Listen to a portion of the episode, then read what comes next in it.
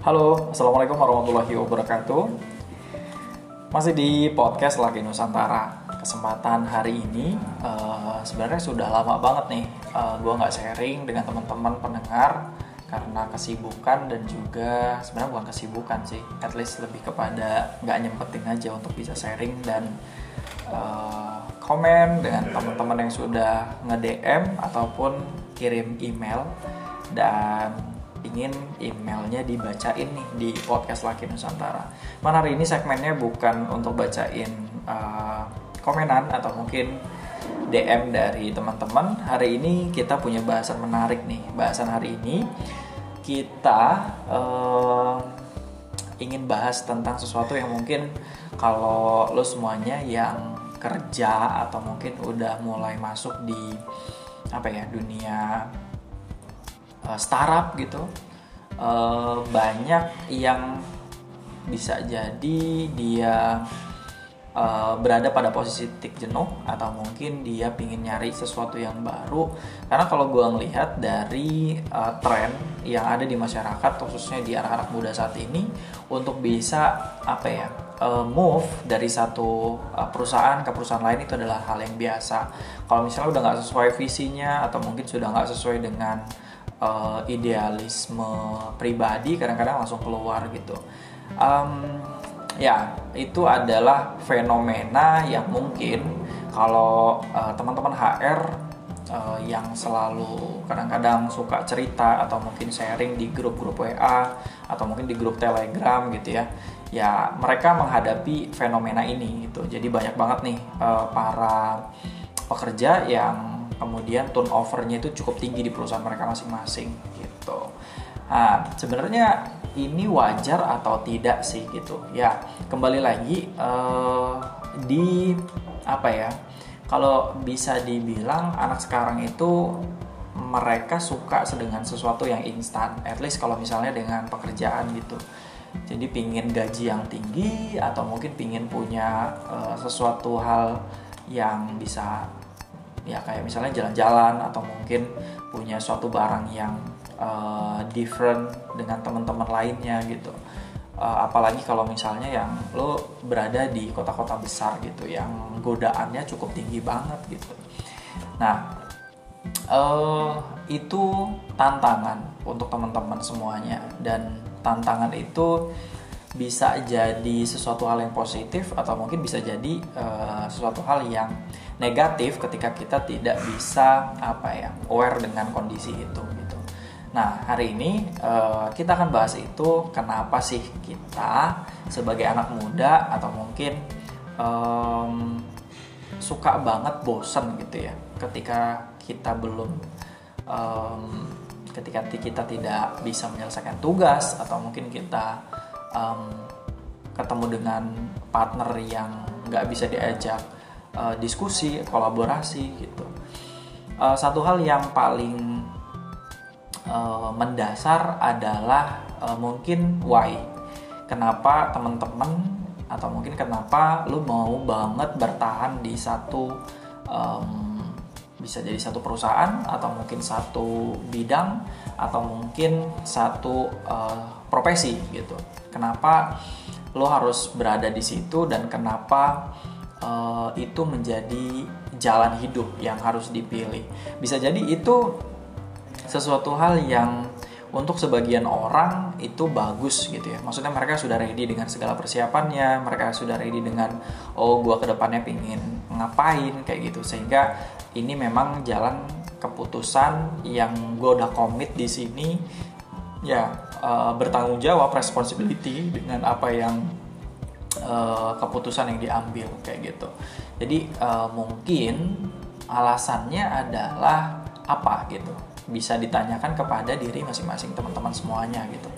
Kalau gua uh, bertanya lagi kepada diri gua misalnya ya reasonnya misalnya orang tua. Orang tua bisa jadi alasan kenapa uh, gue harus bisa bertahan atau mungkin ada orang yang uh, pernah dicemooh atau mungkin dia uh, dianggap sepele oleh teman-teman lainnya gitu. Jadi itu bisa jadi satu reason pingin menunjukkan show up gitu. Oh uh, gue pingin nunjukin nih ke teman-teman bahwa apa yang mereka bayangkan apa yang mereka pikirkan itu tidak sesuai dengan um, yang mereka uh, utarakan gitu. Bahkan itu menyakitkan gitu nah bisa jadi itu jadi alasannya. Atau banyak banget sih faktor-faktor lain.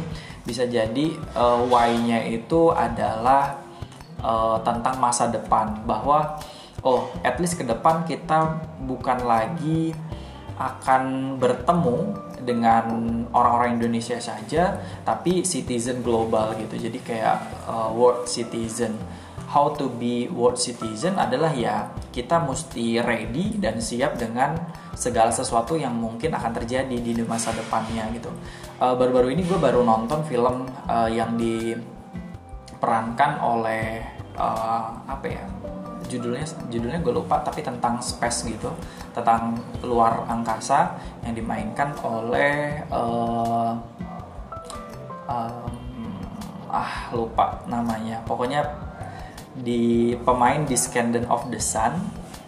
Yang cowoknya siapa sih ya namanya? Yong Si Jin. Yong Si Jin. Yo Si Jin. Yo Si Jin. Tapi kalau ya Yo Si Jin itulah pokoknya. Uh, dia memerankan satu apa ya profil figur yang di dalamnya uh, menceritakan tentang bumi masa depan gitu. Jadi ada satu planet di Mars, kemudian Mars itu Song oh Song Joong Ki. ya, gue dapat bocoran tuh Song Joong Ki namanya gitu. Jadi uh, Song Joong Ki dengan teman-temannya ini gitu. Uh, apa ya? ada satu robot yang robotnya itu ternyata dia bisa uh, sebenarnya bukan robot sih dia itu manusia yang disuntikkan nano robot gitu jadi kayak robotnya ini itu bisa menghidupkan tanaman yang mati kemudian pokoknya jadi menghijaukan uh, satu kondisi yang gersang dan sebagainya.